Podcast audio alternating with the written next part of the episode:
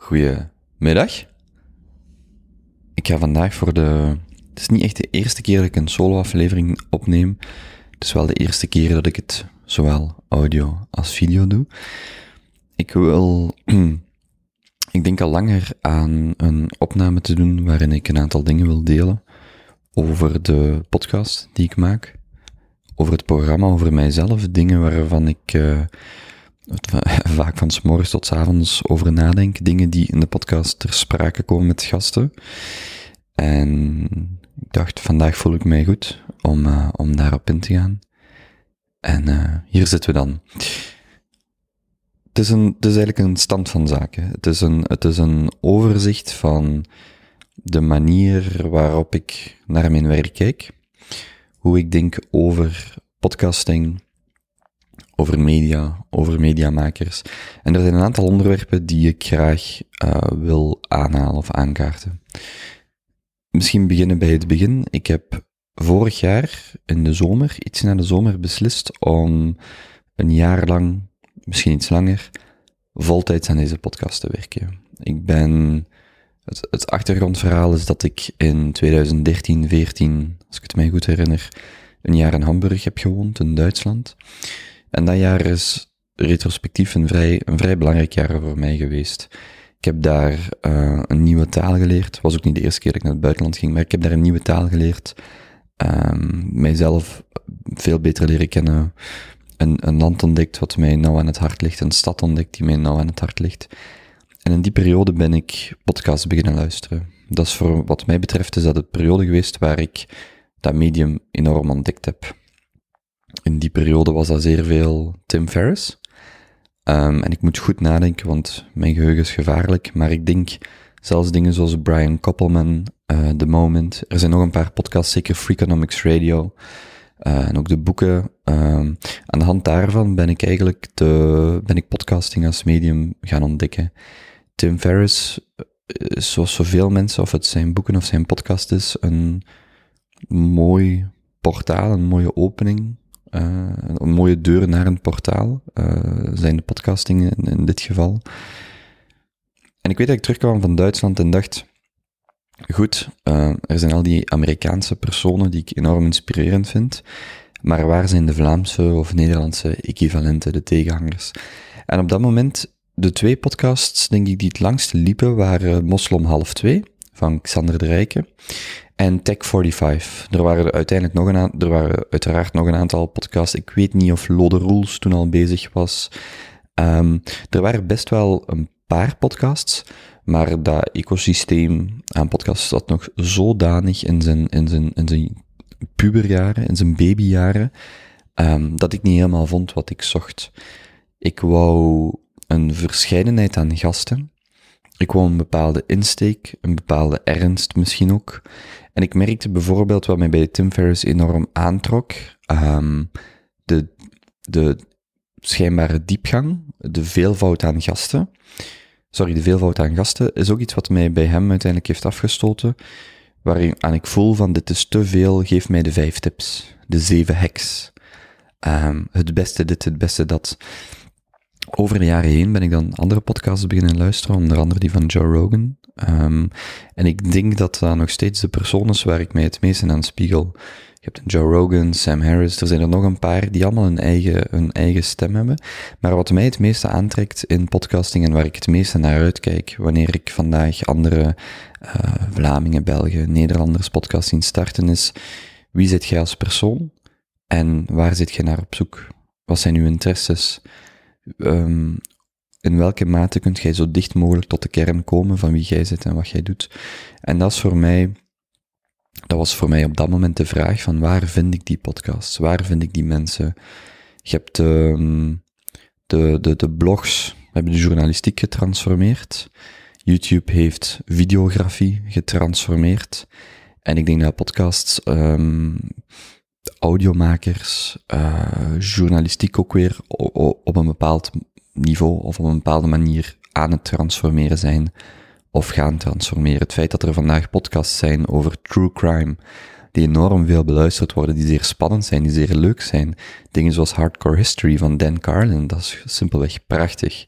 er is zo'n explosie aan creativiteit, um, wat voor mij heel interessant is om te zien. Ik wou er misschien later op terugkomen, maar ik denk dat, dat, um, dat het er zo bij past.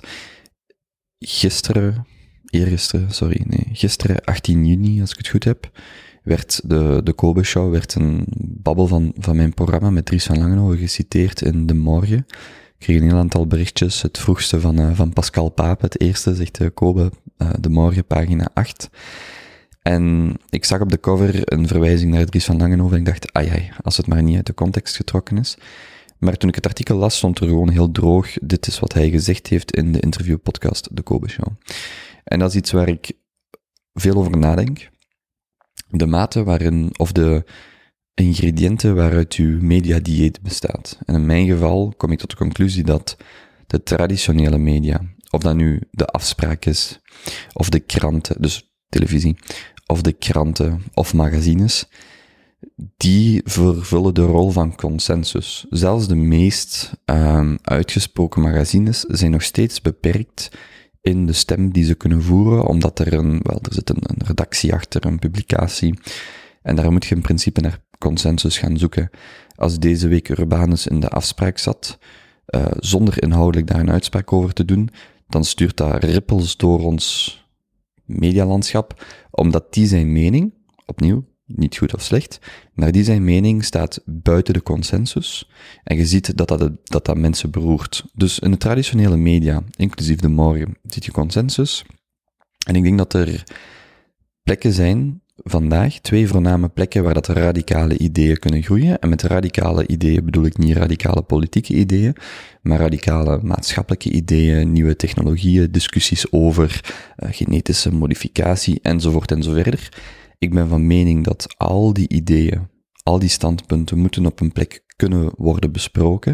Ik denk dat we uh, te seculier zijn om terug te gaan naar een soort van dogmatische of, of orthodoxe samenleving waar dat dingen niet bespreekbaar zijn. Uh, ik denk dat dat ook een uitdaging van onze tijd is.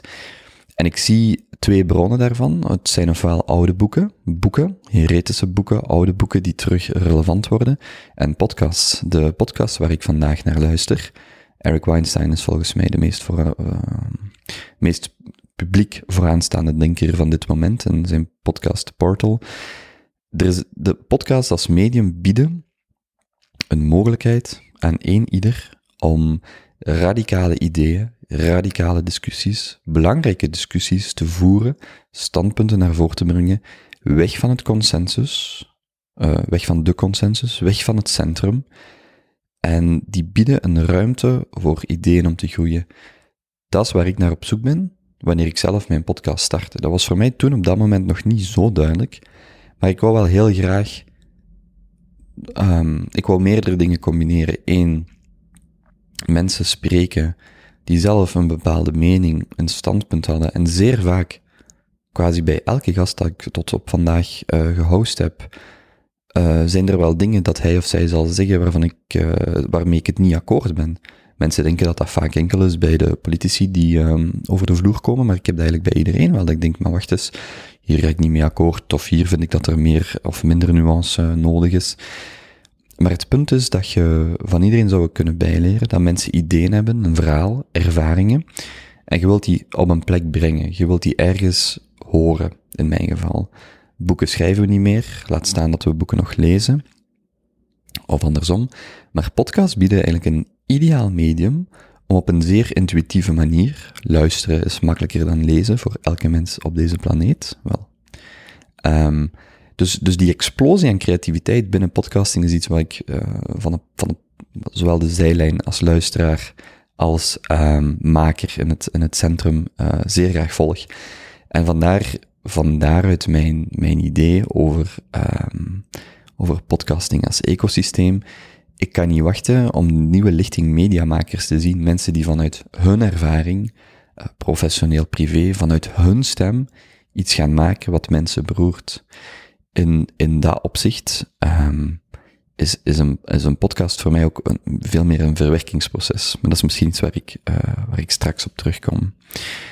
Um, als ik het net laat over dat citaat in, in De Morgen, dan was ik daar best blij mee dat dat vrij neutraal was. De interviewpodcast, de Kobe Show. Maar dus mijn, mijn achtergrond is, ik heb dan, uh, ik kom terug uit Hamburg, ik luister die podcast, uh, Tim Ferriss Show. Ik ben in België, eind 2015, en ik denk, waar zijn de Vlaamse podcasts die dit allemaal doen wat ik net geschetst heb? En die bestonden op dat moment niet of niet voldoende, of ik vond niet echt mijn, mijn ding in, in de aanbod. Ik heb dan, dit staat trouwens beschreven mijn eerste en voorlopig enige boek uh, bijvoorbeeld. Ik heb daar de eerste 30 of 31 babbels gebundeld. En in de introductie staat ook, of in, het, uh, in, in de inleiding, heb ik geschreven van, kijk, ik heb op een bepaald moment drie mensen aangeschreven. Sam Rieder, toen van Jazzweek, is Fully geworden en heeft ondertussen een andere naam, Standing Desks. Peter van den Bemt en Roland Duchatelin. Die hebben alle drie ja gezegd. En dat was voor mij zo het moment van, wauw, je kunt mensen echt bereiken. De afstand is eigenlijk helemaal niet zo lang, niet zo ver. Dus maak eens een lijstje in je hoofd van wie de mensen zijn waarmee je graag in gesprek gaat en nodig ze gewoon uit.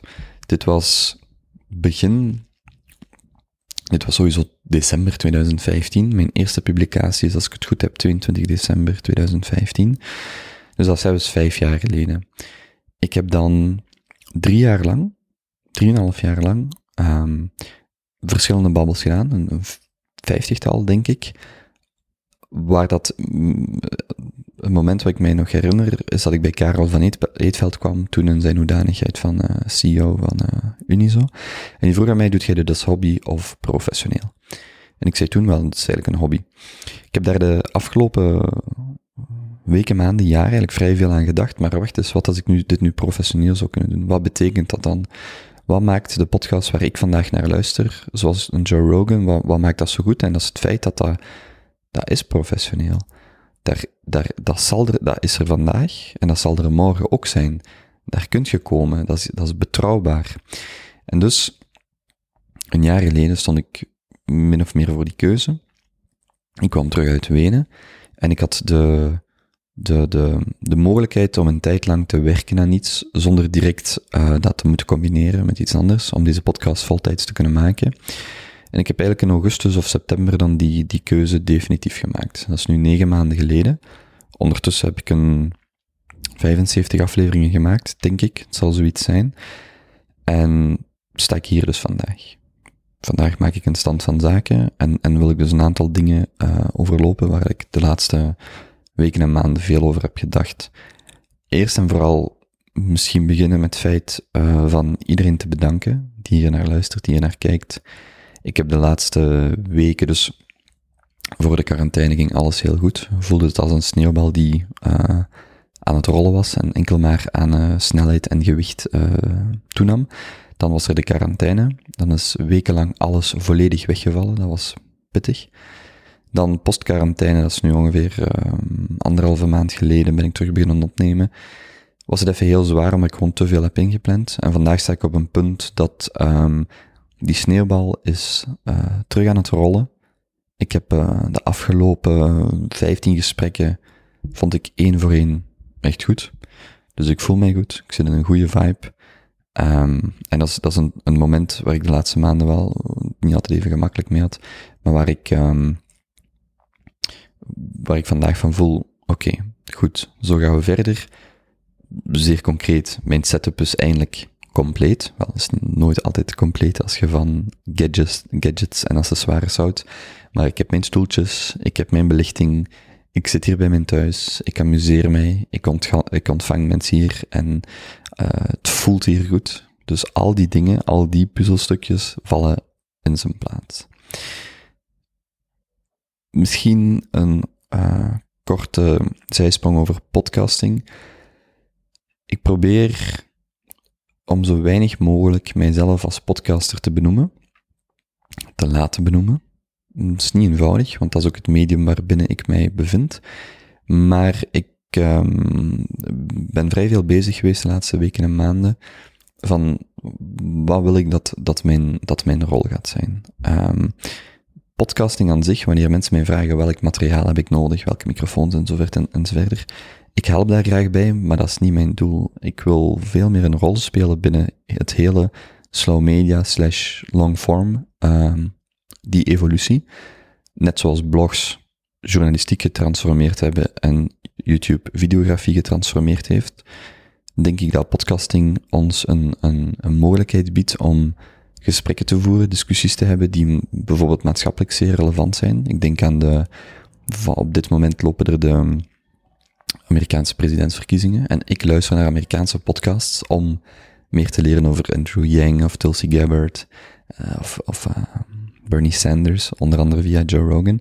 En daar wil ik mee achter zetten. Ik wil nadenken over niet een podcast, wat heb je exact nodig op het oppervlakkige materialistische niveau, maar wel, wat wilt je in de wereld zetten? Wat is uw maatschappelijke rol? Die slow media um, doorbraak die er is, uh, hoe kun je daar optimaal van uh, gebruik maken? Het feit dat bandbreedte onbeperkt is, het feit dat het quasi niks kost om een podcast te maken, het feit dat je morgen een, een debat nieuw hoeft te voeren in de afspraak waar dat drie, vier mensen over drie onderwerpen op drie kwartier moeten praten, hoeveel krijg je daar verteld? Um, maar dat er vandaag al een plaats is waar dat je effectief mensen in een studio, zoals hier, kunt samenbrengen. Twee mensen en zeggen, kom, we gaan eens drie uur discussiëren over wat uw beeld uh, of idee is van de, de stad waarin wij wonen, of de regio, of het land, of het continent. Ik denk dat in de komende jaren podcasts slash uh, online talkshows, hoe je ze ook wilt noemen, dat die enkel aan belang gaan toenemen. En daar binnen die slow media wil ik mensen motiveren, helpen om hun eigen zoektocht te starten, om hun eigen waarheid te brengen, om op zoek te gaan naar dat wat hen net zo uniek maakt binnen een mediatieke context. En als je je afvraagt, ja, maar Kobe, wat betekent dat dan? Denk gewoon aan vloggers. Wie, wat, maakt Casey Neistat Casey Neistat? Wel, er is een stijl, uiteraard. Maar die gast vertelt gewoon over zijn leven. Die gast documenteert zijn leven en mensen kijken daarnaar. En dat geldt voor heel veel vloggers.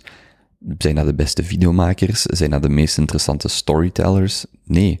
De leukste mensen zijn die die het dichtst bij henzelf komen. En ik denk dat we dat in podcasting de laatste maanden en jaren gezien hebben. Dat dat enkel nog maar, nog maar gaat, uh, gaat toenemen. En daar wil, ik, daar wil ik een rol in spelen. Dus voor alle duidelijkheid, ik ben geen interviewer, ik ben geen journalist. Ik ben gewoon iemand die op zoek is naar de waarheid, iemand die enorm veel vragen heeft, iemand die nieuwsgierig is, iemand die heel veel verdriet heeft. De podcast is in het beste geval. Er zijn drie, er zijn drie scenario's waar ik gisteren tegen met iemand over aan het spreken was. Ik zeg in het beste geval stelt de podcast, stelt de Kobe Show mij en u als luisteraar in staat om betere vragen te stellen. In het tweede beste geval krijgen we betere antwoorden.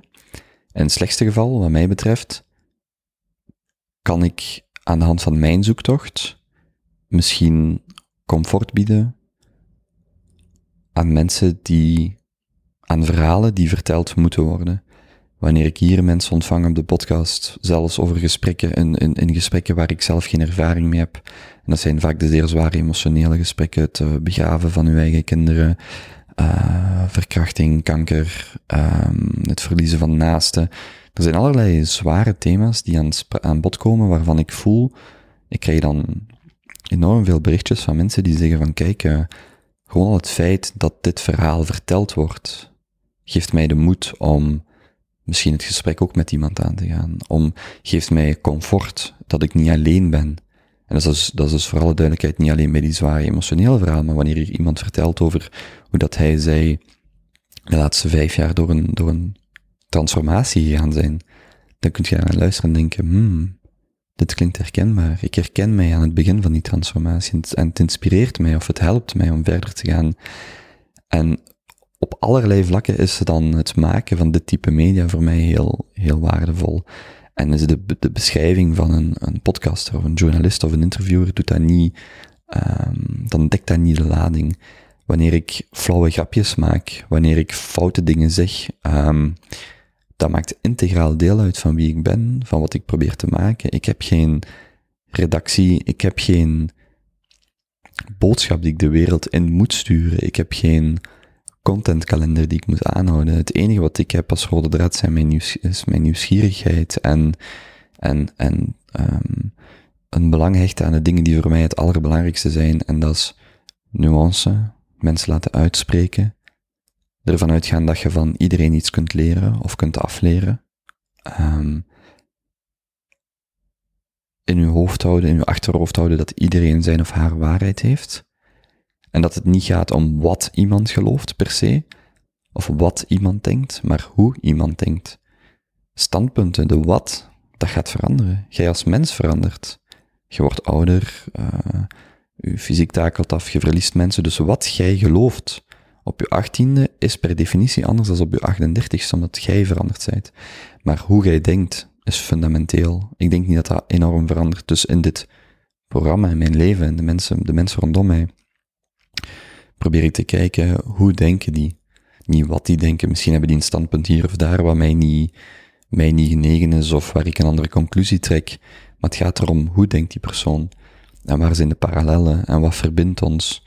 En steeds die terugkeren naar, wat maakt ons menselijk? Wat, wij hebben misschien uiterste meningsverschillen, maar dat is maar 10% van wie wij zijn. Dus wij delen dezelfde 90%, namelijk wij zijn kinderen van broers en zus van vader en moeder van inwoners van hetzelfde land, sprekers van dezelfde taal, enzovoort enzoverder.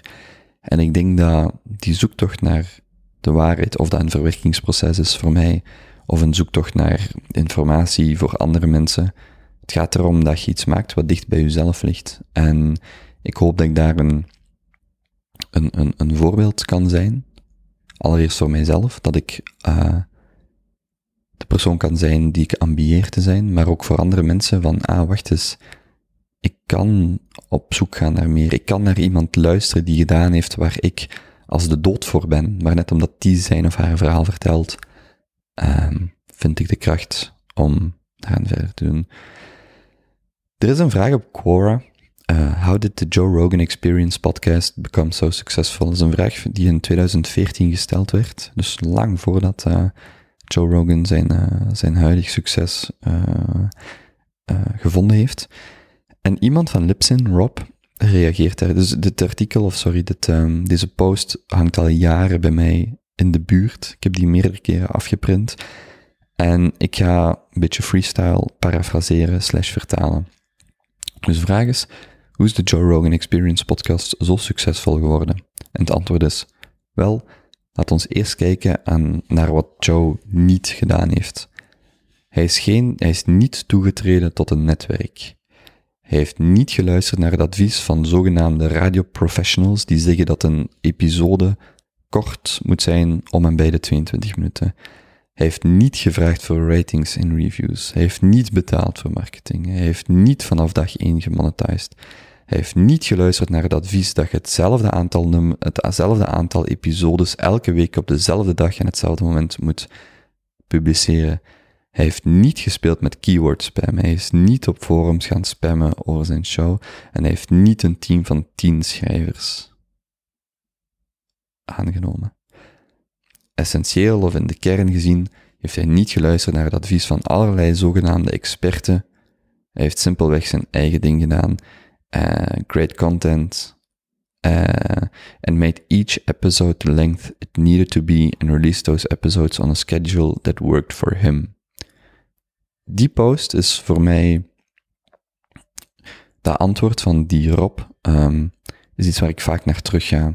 Het is moeilijk om te navigeren tussen wat, wel, het is niet moeilijk, maar het is verleidelijk om weg te gaan van uw eigen kern. En mijn eigen kern is, ik wil met mensen babbelen. Ik wil, ik wil af, afleveringen maken die, waar ik niet in wil knippen, want wat weet ik wat ik eruit moet knippen. Het zou maar eens zijn dat ik net eruit knip wat iemand exact hoeft te horen, en dat is het verschil tussen, wel, een minder mooi of een mooier moment dag, leven, maand, jaar.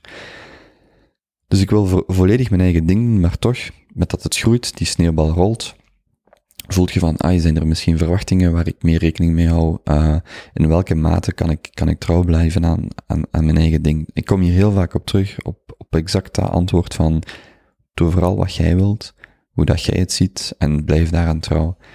Ik denk dat dat lukt. Ik heb de indruk dat dat lukt. Het kan, um, overkomen, maar ik vind dat, ik heb dat gevoel al, al een paar maanden, maar als ik nu naar mijn feed kijk vandaag, ik vind mijn laatste 30, 40, 50 afleveringen echt goed. Um, ik, ik, ik vraag mij af, ik, ik hoop dat ik met de jaren, met de maanden en jaren meer programma's ga vinden uh, waar ik exact die gesprekken hoor. Vandaag toevallig, of gisteren, het is gisteren gepubliceerd, Brett Weinstein bij Joe Rogan. Dat wil ik zo snel mogelijk beluisteren. Ik volg die gast al jaren. Dat is dan actualiteit. Maar ik wil dat direct luisteren, omdat ik weet dat daar een plek is waar ik het verhaal kan horen. En ik ben op zoek naar de Vlaamse, Nederlandstalige podcasters, mediamakers, die, um, wel, die, hetzelfde, die diezelfde rol opnemen. En vanuit dat standpunt beluister ik, herbeluister ik mijn eigen afleveringen. Iets wat ik vroeger eigenlijk niet aankon. Vroeger herbeluisterde ik en dacht ik, dit, oh, ik kan daar niet naar luisteren. Vandaag herbeluister ik mijn eigen aflevering en denk ik, ik vind het eigenlijk echt goed. En moest dit niet, moest dit van iemand anders zijn, zou ik het even goed promoten of, of, of uh, delen met mensen, gelijk ik dat altijd met Eric Weinstein of Joe Rogan zal doen. Uh, gewoon omdat ik het zo goed vind en omdat ik denk dat dit belangrijk is en omdat het relevant is en omdat het dicht bij de kern komt. Um, ja. Ik krijg meer en meer de vraag, Kobe, waarom vertelt je niet over jezelf? Waarom vertelt je niet meer over jezelf? Wanneer wordt jij geïnterviewd? Of wanneer staat jij centraal? Um, ik, um, ik denk daar veel over na. Ik denk dat er heel veel dingen zijn die ik kan en wil delen. Ik heb, uh, ik ben met mijn gat in de boter gevallen. Um, maar er zijn, er zijn wel degelijk dingen waar ik enorm mee worstel, waarvan ik denk, ik weet niet hoe ik die wil manifesteren, hoe, hoe dat ik die naar buiten wil brengen. Ik denk dat de babbels die ik voer deels uh, onthullen waar ik mee bezig ben, wat mij beweegt, um, waar, dat, waar dat het pijn doet, waar dat het mij, waar dat blijdschap zit. En ik weet nog niet in welke mate dat dat naar buiten gaat komen, in welke mate dat ik ook tot mijn, tot mijn eigen waarheid uh, kan komen. Ik denk wel dat het woord verwerkingsproces al een paar keer gevallen. Als Mark, als Mark Maron zijn duizendste opname deed, dan was dat exact eentje waar dat hij twee uur lang over uh, terugkijkt op tien jaar podcasting, duizend afleveringen. En hij gebruikte daar ook de term een um, uh, audio journal. En ik vind dat heel mooi. Dat ik merk aan de podcast ook van, als ik terug in de tijd ga, van waar was ik mee bezig? Wat waren toen mijn angsten? Wat waren toen mijn overtuigingen? Dat is ook deels een van de redenen waarom ik, waarom ik dit hier nu opneem. Is om eens een keer uh, een stand van zaken te maken. Een momentopname van waar ben ik eigenlijk mee bezig? Wat vind ik belangrijk? Um, en, en die podcast als verwerkingsproces is echt wel, ja, hoe ver sta ik eigenlijk? Uh, wie ben ik? Hoe dicht kom ik bij de waarheid? En dat is iets wat ik enkel zelf kan inschatten. En ik heb het gevoel dat ik daar um, enorme stappen in heb gezet, de laatste maanden, het laatste jaar. Maar er is nog steeds veel meer om te vertellen. Er is nog zoveel meer om te coveren en uh, ik kijk er wel naar uit hoe dat, uh, hoe dat, dat eruit gaat komen. Mm, ik had het daar straks over. Um, even kijken, ik had hier een lijstje voorbereid met dingen die ik wou bespreken. Ik ben weer volledig van de hak op de tak aan het springen, gelijk, uh, gelijk zo vaak. Ik had het over uh, die referentie in de morgen en het feit dat je um, traditionele media voor consensus hebt en oude boeken of boeken en podcasts voor radicale ideeën. Dus dus ook van daaruit dat ik met, met, met, een, met veel um, positieve verwachtingen kijk naar nieuwe mediamakers, nieuwe topjournalisten, die hun eigen programma's gaan starten, hun eigen waarheid gaan brengen en die radicale ideeën in alle breedte want dat gaat niet louter om politieke of maatschappelijke ideeën, maar met radicale ideeën bedoel ik radicale gesprekken, radicale exploraties gaan brengen. Uh, we zullen wel zien, ik heb al een aantal mensen die ik achter de schermen probeer te helpen daarmee. De komende maanden en jaren zal dat duidelijk worden. Maar er zijn thema's die we vandaag niet bespreken of amper bespreken, waarvan we over een jaar of twee gaan zeggen, wauw, geweldig dat daar iemand een podcast rond maakt of een blog rondschrijft of iets rondmaakt. Um, en daar wil ik, om dat af te ronden, daar wil ik die rollen spelen. Om mensen daarin te, te pushen of te helpen van um, um, die dingen te maken. Dat brengt mij bij een screenshot dat ik deze week gemaakt heb en een story gepost heb. En dat ging over de top 10 op iTunes van de meest beluisterde uh, afleveringen. En daarin merk je vandaag dat die top 10 op dat moment, was de momentopname, bestond volledig uit radioprogramma's, die dan repurposed zijn als podcast. Dus dat is dan uh, Touché, De Wereld van Sophie, uh, Interne Keuken. En ik denk, ik zag dat ook jaren geleden, ik denk dat dat een zeer goede indicatie is van de maturiteit of de, het gebrek aan maturiteit van dat ecosysteem. De, het feit dat de meest beluisterde programma's radioprogramma's zijn, heeft volgens mij, los van het inhoudelijke, heeft volgens mij volledig te maken met het feit dat die radioprogramma's vandaag het grote voordeel nog hebben van distributie. Die hebben een netwerk aan luisteraars, die hebben een bereik. Um, maar dat is wat de komende jaren gaat veranderen. Individuele mediamakers, Alex Agnew is daar een zeer goed voorbeeld van, Lieve Scheire met een podcast, Xander de Rijken. Er zijn meer en meer mensen die zelf ook een dusdanig publiek opgebouwd hebben of gaan opbouwen, dat ik hoop dat over een jaar of twee, drie, die radioshows qua bereik een pak lager zijn. En het is niet omdat ik hen dat toewens dat ze geen mensen, geen luisteraars meer gaan vinden, maar het is omdat ik denk dat om een gezond ecosysteem te hebben binnen podcasting, heb je veel diverse stemmen nodig. En die diverse stemmen, opnieuw, die zitten buiten de consensus, die zijn radicaler, die kunnen meer waarheid vinden dan de consensusprogramma's. En dat is waarom ik, ik heb niks tegen radioprogramma's, maar dat is een teken van een gebrek aan maturiteit van dat ecosysteem, wat ik hoop dat zo snel mogelijk gaat veranderen en dat de meest waarheidsgetrouwe stemmen naar boven gaan komen. Anders gezegd, kort samengevat, er is enorm veel groeimarge voor uh, onafhankelijke mediamakers. Iets wat ik, uh, even kijken, er zijn nog drie dingen die ik wil aanhalen. Drie dingen die ik geleerd heb. Uh, de manier waarop ik kijk naar, naar podcasting vandaag. Het allereerste is, dat sluit aan bij het feit, bij wat ik eerder zei van, ik ben geen journalist, ik ben geen interviewer. Ik bekijk elk gesprek, iedereen dat hier op de podcast komt, um, is een eerste gesprek in een reeks van gesprekken. Soms zeg ik dat expliciet. Niet altijd, want dat komt misschien een beetje, um, um, dat kan overkomen alsof het maakt mij niet zoveel uit waar wij over gaan praten, want je gaat toch vijf keer terugkomen en dat gevoel wil ik niet geven. Maar als bijvoorbeeld in de week Angelique hier zat, dan zei ik ook wel tegen haar van, kijk, als over een jaar er een of andere nieuwe raket wordt gelanceerd, of jij presenteert een boek, of wat dan ook, je zit altijd welkom om hier daarover te komen vertellen. Dat sluit aan bij Karel van Eetveld, die vraagt, doet je dit als hobby of, of beroep? Nu, nu zeg ik volmondig, dit is mijn beroep. En de mensen die ik een warm hart toedraag, dat is iedereen dat vandaag al op de show is geweest, want die geloven uh, in wat ik doe en die helpen, die dragen een steentje bij aan wat ik probeer te maken. Um, die mensen mogen altijd terugkomen. Die draag ik een warm hart toe. In de mate dat ik hen kan helpen, wil ik dat doen. Dus elke, elke babbel dat ik begin, is voor mij een eerste gesprek. Dat helpt mij om minder druk te voelen op mijn eigen schouders, van dit moet perfect zijn, want we hebben maar één keer. Um, en, en dat geeft een soort van een diepere verbinding, denk ik. Het was Oliver uh, Op de Beek, die uh, was een van mijn eerste gasten sinds de doorstart, die, die mij eigenlijk zei van kijk komen, heel veel klassieke media zijn zo one-off uh, interviews. Of dat nu de vragen van Proest zijn in de morgen, of, of, of um, duidingsprogramma's, of, of touché, het maakt niet uit. Dat is eigenlijk allemaal one-off. Je komt daar één keer in en dan is de volgende. En hij zegt, wat zo cool is aan podcast, is dat je mensen kunt opvolgen. Het feit dat Brad Weinstein terug bij Joe Rogan is, waarom dat, dat voor mij zo waardevol is, is omdat ik die al drie, vier, vijf keer op Joe Rogan heb gehoord en dat een spannend verhaal vind. En die rol wil ik ook opnemen. Van, je zit hier vandaag, je doet je verhaal, we gaan wel weg van het interview, we gaan meer naar een gesprek, en je zit nog tien keer welkom. Je mocht zo vaak komen als je wilt. Iedereen dat vandaag op de show is geweest, mag van mij, mij morgen bellen en zeggen, hey, ik heb iets om te vertellen, en meer zelfs. Ik verwacht dat dat de komende maanden en jaren gaat gebeuren. Um, of dat het format van de Junto gaat aannemen of iets anders, dat is nog niet helemaal duidelijk. Maar iedereen is altijd welkom om dat gesprek gaande te houden.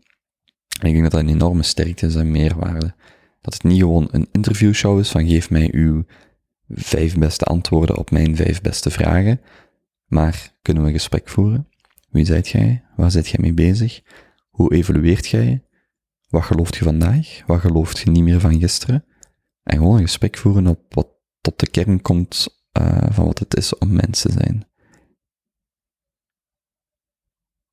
ik merk ook dat elke aflevering vandaag, um, en dat is de tweede van drie punten, dat ik nog steeds afleveringen maak, voornamelijk voor het publiek van mijn gasten.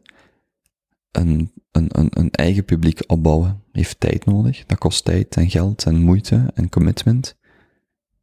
Dat groeit, dat komt. Maar het is vandaag nog steeds zo dat als ik met iemand spreek, die personen delen dat met hun netwerk en dat is nog steeds de meerwaarde vandaag. Wat wel cool is, omdat soms krijg je de vraag van publiceert je niet te veel? Of doet je te veel in te korte tijd? Of is het te lang? Of dit of dat? En mijn standpunt vandaag daarover is, elke aflevering is iets wat een eigen leven kan gaan leiden. Ja, er is een geheel aan afleveringen. Er zijn mensen die gewoon per definitie elke aflevering van mij beluisteren die online komt, omdat ze, omdat ze de podcast aangenaam vinden als dusdanig. Maar ik ben niet van mening dat je je publicatie moet beperken, artificieel beperken of arbitrair beperken, omdat elke aflevering op dit moment is een, is een op zichzelf staand iets. Elke aflevering heeft het potentieel om tot iets te groeien. Als er in de morgen gerefereerd werd naar mijn babbel met Ries, dat is negen maanden, sorry, dat is oktober, dat is negen maanden geleden. En toch is dat nog steeds relevant. Of ik daarna nog tien of tienduizend, sorry, of honderd afleveringen had gepubliceerd, doet eigenlijk niet ter zake, omdat die babbel, die staat op zichzelf. En zo kijk ik daar vandaag naar. Ik weet niet wat het beste publicatieschema is, hoeveel, hoe vaak per week. Ik weet alleen dat ik van mezelf aanvoel, oké, okay, er zit er een onder- en bovengrens op. Hoeveel wil ik minimum doen? Hoeveel kan ik maximaal um, logistiek, maar ook emotioneel aan? De laatste week heb ik, uh, ben ik emotioneel enorm tegen mijn grenzen gebotst. Um, dus, dus daar zit ergens wel een, natuurlijke balans, maar ik kan dat niet arbitrair bepalen. En als je naar die gesprekken kijkt als zijn uh, individuele, onafhankelijke hoofdstukken, wel, blijf ze dan maar maken. Uh, Akira the Don, dat is een Britse muzikant die uh, veel van die um, meaning wave maakt. Die was uh, in gesprek met Jordan Peterson op, op, zijn podcast en die zei dat ook. Die, die zei van het gaat hem niet enkel om, dus die is aan een keihard hoog tempo aan het produceren. En hij zegt van kijk, ik zit in de flow, ik zit in die vibe. Ja, ik maak heel veel, maar elke dag opnieuw zit ik dusdanig in die flow dat ik echt het beste werk maak. En dat is iets wat ik de afgelopen weken, maanden gevoeld heb. Het is iets anders. Um, maar zo dat gevoel van, ja, wauw, dit, dit, is een, is een tempo wat aangenaam is, dit voel ik. En of dat dan drie keer per week is, of twee keer, of, of, of zeven keer, dat weet ik niet. Dat is nog voor mij wat af, afwegen. Maar doe maar, want die flow stelt mij in staat om van elke persoon een hoofdstuk te schrijven, dat de wereld in te sturen. En de juiste mensen zullen het wel ontdekken, of met de tijd zal het meer waard worden, of wat ook de, de context is of de lens om daar naar te kijken. Het is waardevol om door te doen aan een tempo wat ik aangenaam vind, um, maar zonder daar te veel uh, over na te denken van is dit nu te veel of is dit te weinig. Elke babbel is eentje die op zich staat. Um, en, en aldoende organiseert zich natuurlijk wel een publiek, een luisterpubliek. Dat is iets wat ik toch pro probeer de komende maanden, jaren meer op te bouwen. Want dat opent dan weer deuren natuurlijk, hoe groter uw publiek. Opent dat deuren naar uh, misschien een live show doen, merchandise, adverteerders, allerlei dingen die je kunt gaan doen uh, om het programma uh, financieel gezond te maken. Maar ook om naar gasten te gaan en te zeggen van kijk, um, als je bij mij komt, heb ik de impliciete verwachting dat je vier uur tijd vrijmaakt. Eigenlijk is dat vrij zot als ik erover nadenk dat hier gasten zitten vaak ook vrij high profile, high, profile gasten of low profile, maar die een zeer druk leven hebben om allerlei redenen. En dat die drie, vier, vijf uur de tijd vrijmaken. Dat die al dan niet mee aan tafel schuiven. Dat ik die ook off the record nog vaak zie. Dat ik denk van, dat is zo cool dat impliciet de, ik zeg van, hey, maak eens drie, vier uur tijd vrij. En anders hoeft je niet te komen. Nu zeg ik het te straf, maar daar komt het wel op neer. Um, en ik denk, zolang dat je daarop kunt focussen, op die kwaliteit vasthouden, op dat te maken wat jij wilt, wat ik wil in dit geval, um, dat dan al die andere dingen wel, wel voor zichzelf in de plooi zullen vallen. Een derde en misschien laatste punt is iets wat, uh, denk ik, veel podcastmakers moeten horen of moeten over nadenken. En dat is het feit dat een aflevering kan volgens mij nooit te lang zijn. Gegeven dat er twee dingen zijn. Eén, het tempo, de inhoud is, is, is goed. Uh, dat is geen waardeoordeel. Dat voelt je zelf aan. En twee, de realiteit dat podcasts zijn on-demand radio. Dus mensen luisteren tijdens het joggen, poetsen, om in slaap te vallen, eten te maken. Um, tijdens het verwerken van een podcast luister ik naar podcasts. En het maakt, stel dat je elke keer, dat je gemiddeld een half uur luistert. Het maakt niet uit of je drie keer een half uur luistert, anderhalf uur, of zeven keer een half uur, drieënhalf uur. Het punt is gewoon, je vindt timeslots in je dag om te luisteren. En zolang dat de, de babbel inhoudelijk goed is, sterk, waarheidsgetrouw, maakt dat niet uit hoe lang iets duurt. Omdat het per definitie gefaseerd is, uh, on demand. Dus vroeger, het is niet gelijk, je, stapt een cinema binnen en gaat daar drie uur zitten en dan, dat is te lang. Want soms zeggen mensen, ja, maar ik kan niet drie uur naar een podcast luisteren, dat is te lang. Maar dat begrijp ik. Maar je kunt niet bijvoorbeeld koken en een film kijken. Je kunt wel koken en een podcast luisteren. Ik kan niet lopen en een boek lezen, maar ik kan wel lopen en een podcast beluisteren. Dus eens dat de inhoud goed zit, maak iets wat jij exact vindt dat lang genoeg is. Want mensen gaan er toch gefaseerd naar luisteren. En mijn gevoel is, het kan bijna niet te lang zijn. Meer zelfs. lengte of kalmte of nuance biedt u net de mogelijkheid om uh, een niveau dieper te gaan. Uh, om meer ruimte te laten. Nu, dat is ook een persoonlijke voorkeur, omdat ik echt wel van longform houd en van gesprekken. Ik heb weinig ervaring met dingen maken zoals een serial uh, of narratieve podcasts. Um, dus goed, ik kan enkel spreken over longform uh, discussies en debatten. Wat dat betreft denk ik bijvoorbeeld ook wel, en dat komt terug op heel dat slow media idee. Um, dus uh, slow media, niet podcasting. Um, van wat is uw maatschappelijk nut? Uh, dus die presidentskandidaten vandaag bij Joe Rogan, dan denk je, oké, okay, 2024, welke rol wilt je spelen? Als je zelf um, niet je ding vindt in, de, een duidingsprogramma gelijk uh, ter zaken of de afspraak, hoe zou jij het dan zelf doen? Zie ik mij hier zitten in 2024 met twee politici om, om een debat te voeren? Dat zijn dingen waar ik aan nadenk, of, of op lokaal niveau. Um, dat zijn allemaal dingen om over na te denken, dat is wel, dat is wel best spannend. Uh, want ook daar, mensen gaan niet neerzitten om vier uur naar een debat te luisteren, maar mensen gaan, mensen willen iets beluisteren wat tot de waarheid komt. En dat is niet vijf minuten in een televisiestudio gaan zitten, en waar dat er uh, een gezond gesprek plaatsvindt. En dat mag zo lang duren als het wilt, wat mij betreft. Misschien om af te sluiten. Sebastian van Praat heeft uh, een paar weken geleden een artikel geschreven over de show, over de podcast. Dat is een uh, student aan de Ho West. En misschien de laatste paragraaf voorlezen.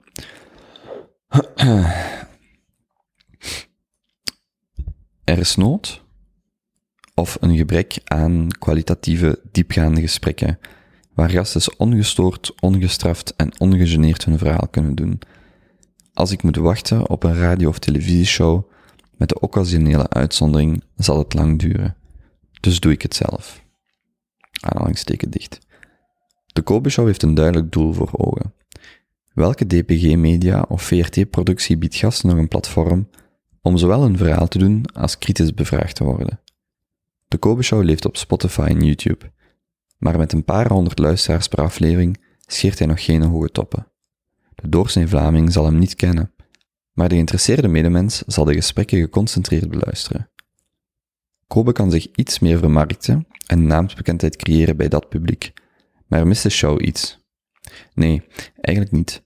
Misschien dat meer mensen tijdens de lockdown hun weg zullen vinden naar Vlaanderen's meest diverse interviewreeks. Ik denk dat dat een mooi uh, eikpunt is van vandaag. Het voelt de laatste weken, sinds dat ik terug begonnen ben, als, uh, alsof alles in een stroomversnelling komt. Wat allerlei nieuwe spannende uh, gevoelens en, en emoties meebrengt. Hoeveel, wat is bereik, wat is belangrijk, wat is relevant. Maar tegelijkertijd biedt mij dat de kans om steeds terug te keren naar de kern of wat de kern voor mij is.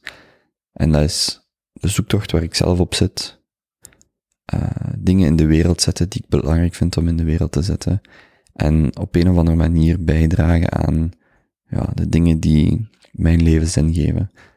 En op die noot wil ik uh, iedereen bedanken voor de, de heel vele berichtjes van de laatste weken en maanden. Mensen die mij ontdekken, die de moeite doen om mij, maar zeker mijn gasten, contact mee op te nemen. Ik weet het van meerdere gasten die er ineens vrienden aan hebben overgehouden of die berichtjes krijgen. Het doet mij zeer veel plezier. Dus uh, iedereen die er vandaag bij is, dank u wel daarvoor. Uh, ik kijk er naar uit om uh, ja, aan dit tempo op deze manier verder te doen. En we zullen zien wat de toekomst brengt. ik amuseer mij. suggesties, tips, alles is welkom. En nogmaals, dank u voor het luisteren. En mm, mm, mm, het is um, aangenaam, of ik vind het aangenaam om te weten wie dat er vandaag bij is, wie dat er deel van uitmaakt, in de context van waar we naartoe gaan, of zouden gaan. En uh, ik voel mij gesterkt en uh, gezegend is niet het juiste woord, maar ik voel mij gesterkt door de mensen die hier voor en achter de schermen hun steentje aan bijdragen en die mij in staat stellen om dit te kunnen en te mogen doen en er uh, op die manier betekenis uh, aan, mijn, aan mijn werk te geven. Dus daarvoor mijn expliciete dank en tot binnenkort.